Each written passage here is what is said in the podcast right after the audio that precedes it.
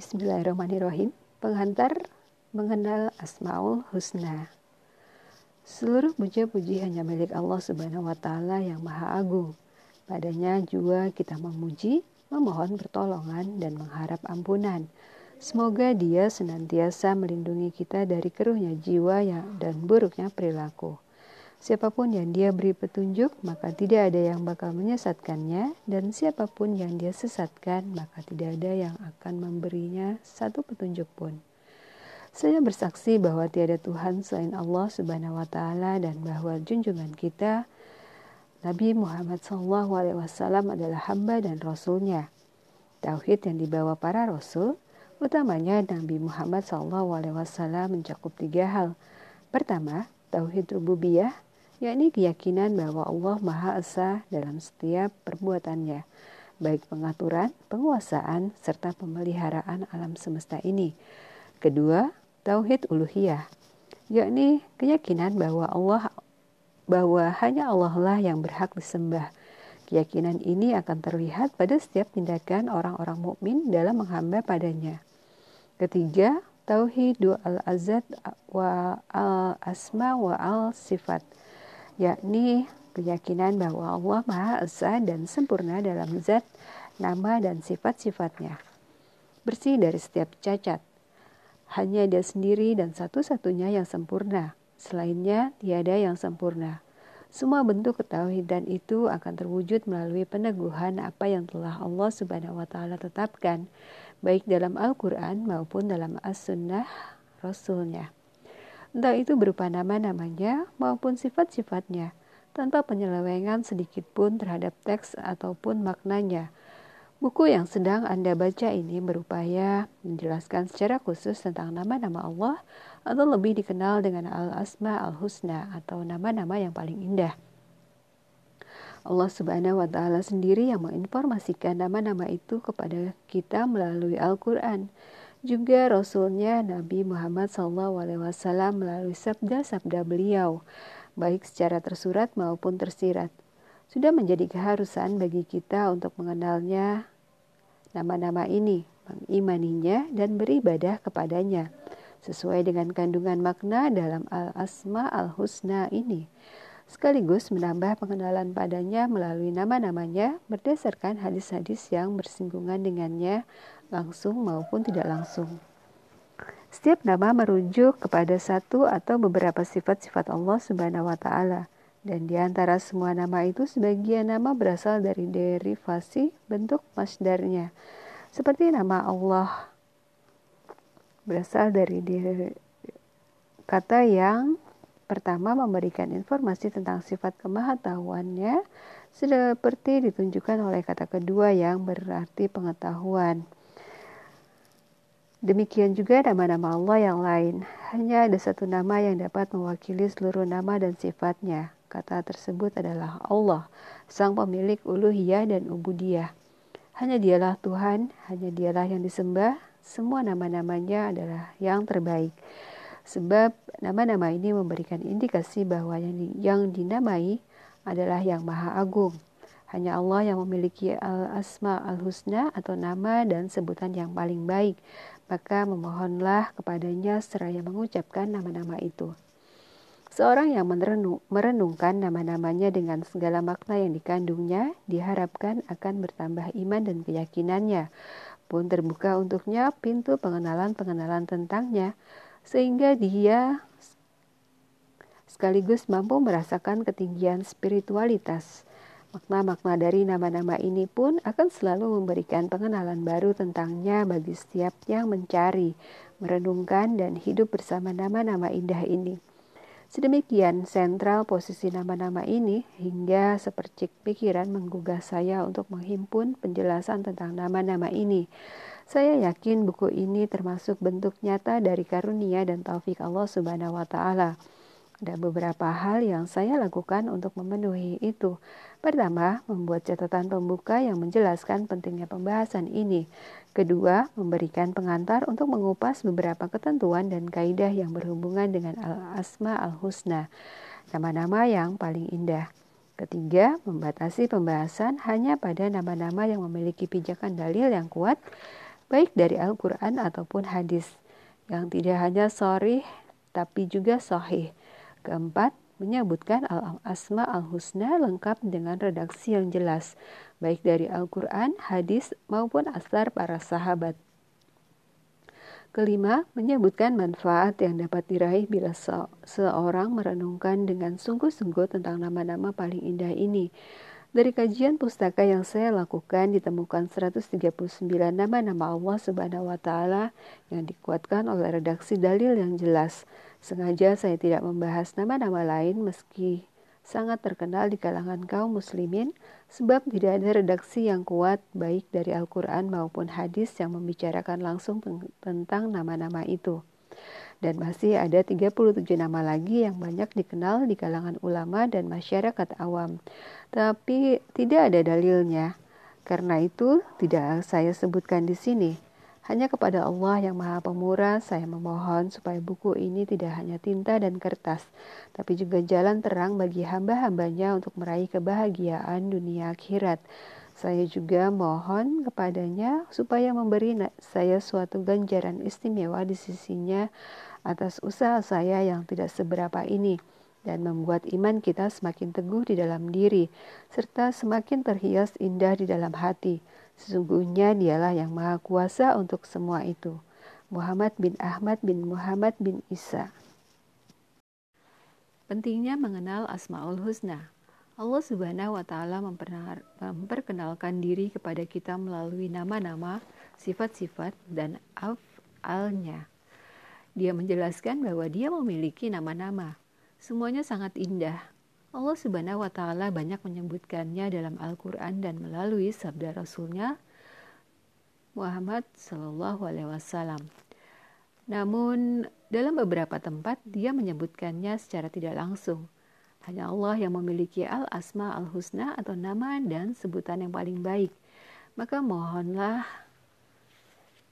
kepadanya seraya mengucapkan nama-nama itu dan tinggalkan orang-orang yang melakukan ilhad atau penyelewengan terhadap nama-namanya. Mereka pasti diberi balasan setimpal atas apa yang telah mereka kerjakan. Quran Surat Al-A'raf ayat 180 Katakanlah serulah Allah dan serulah Ar-Rahman dengan nama yang, yang mana saja kalian seru. Dia mempunyai asmaul husna atau nama-nama yang baik. Quran Surat Al-Isra ayat 110 Dialah Allah, tiada Tuhan selainnya. Ia memiliki Asmaul Husna. Quran Surat Toha ayat 8 Abu Hurairah radhiyallahu anhu meriwayatkan bahwa Rasulullah Shallallahu alaihi wasallam bersabda, sesungguhnya Allah memiliki 99 nama, 100 kurang 1. Siapa yang asoso mengetah atau mengetahui menghitung atau memeliharanya, maka dia bakal masuk ke surga. Allah ganjil atau esa senang pada yang ganjil.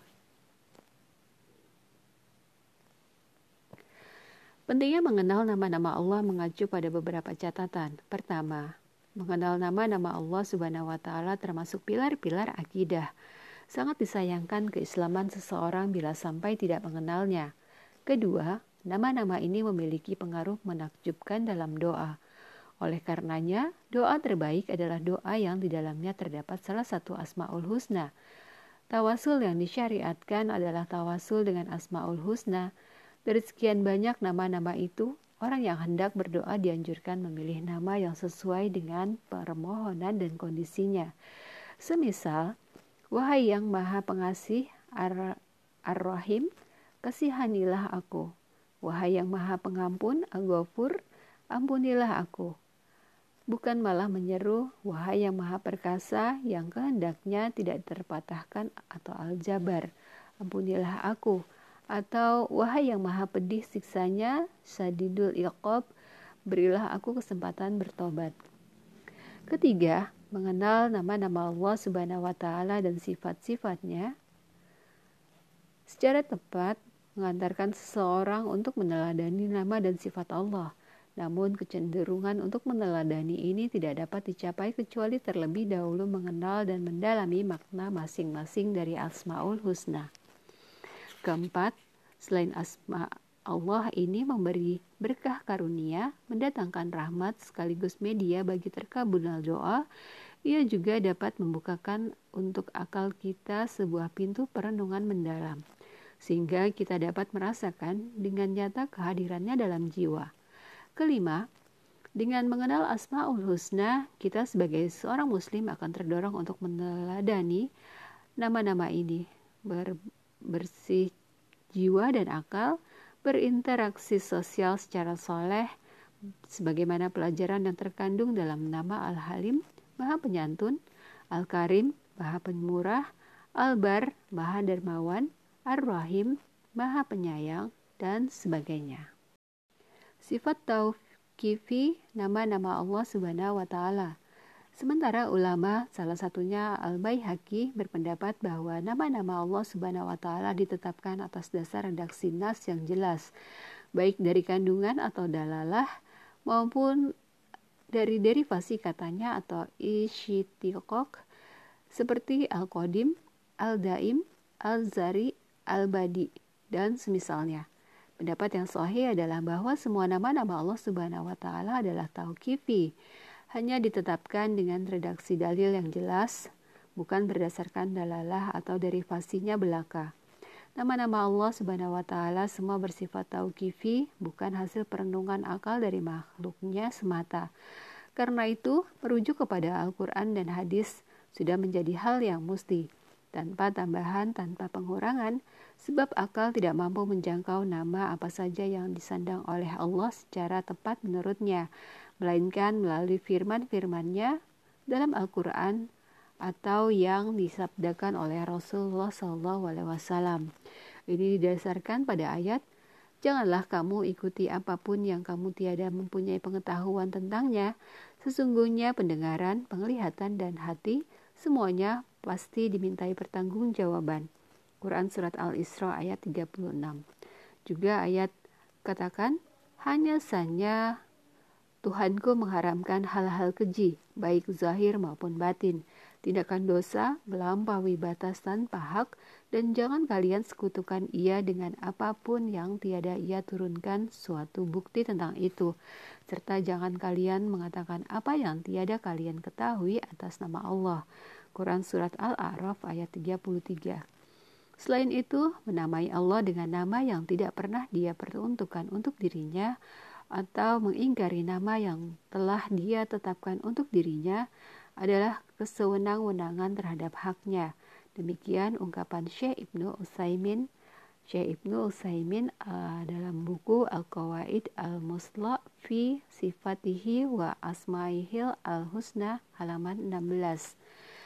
Menurut hemat saya, ini adalah penjelasan yang syarat, kuat, dan tepat. Dari sana terpancar rahmat Allah Subhanahu wa taala dan inilah yang kami lakukan dalam menyusun buku ini.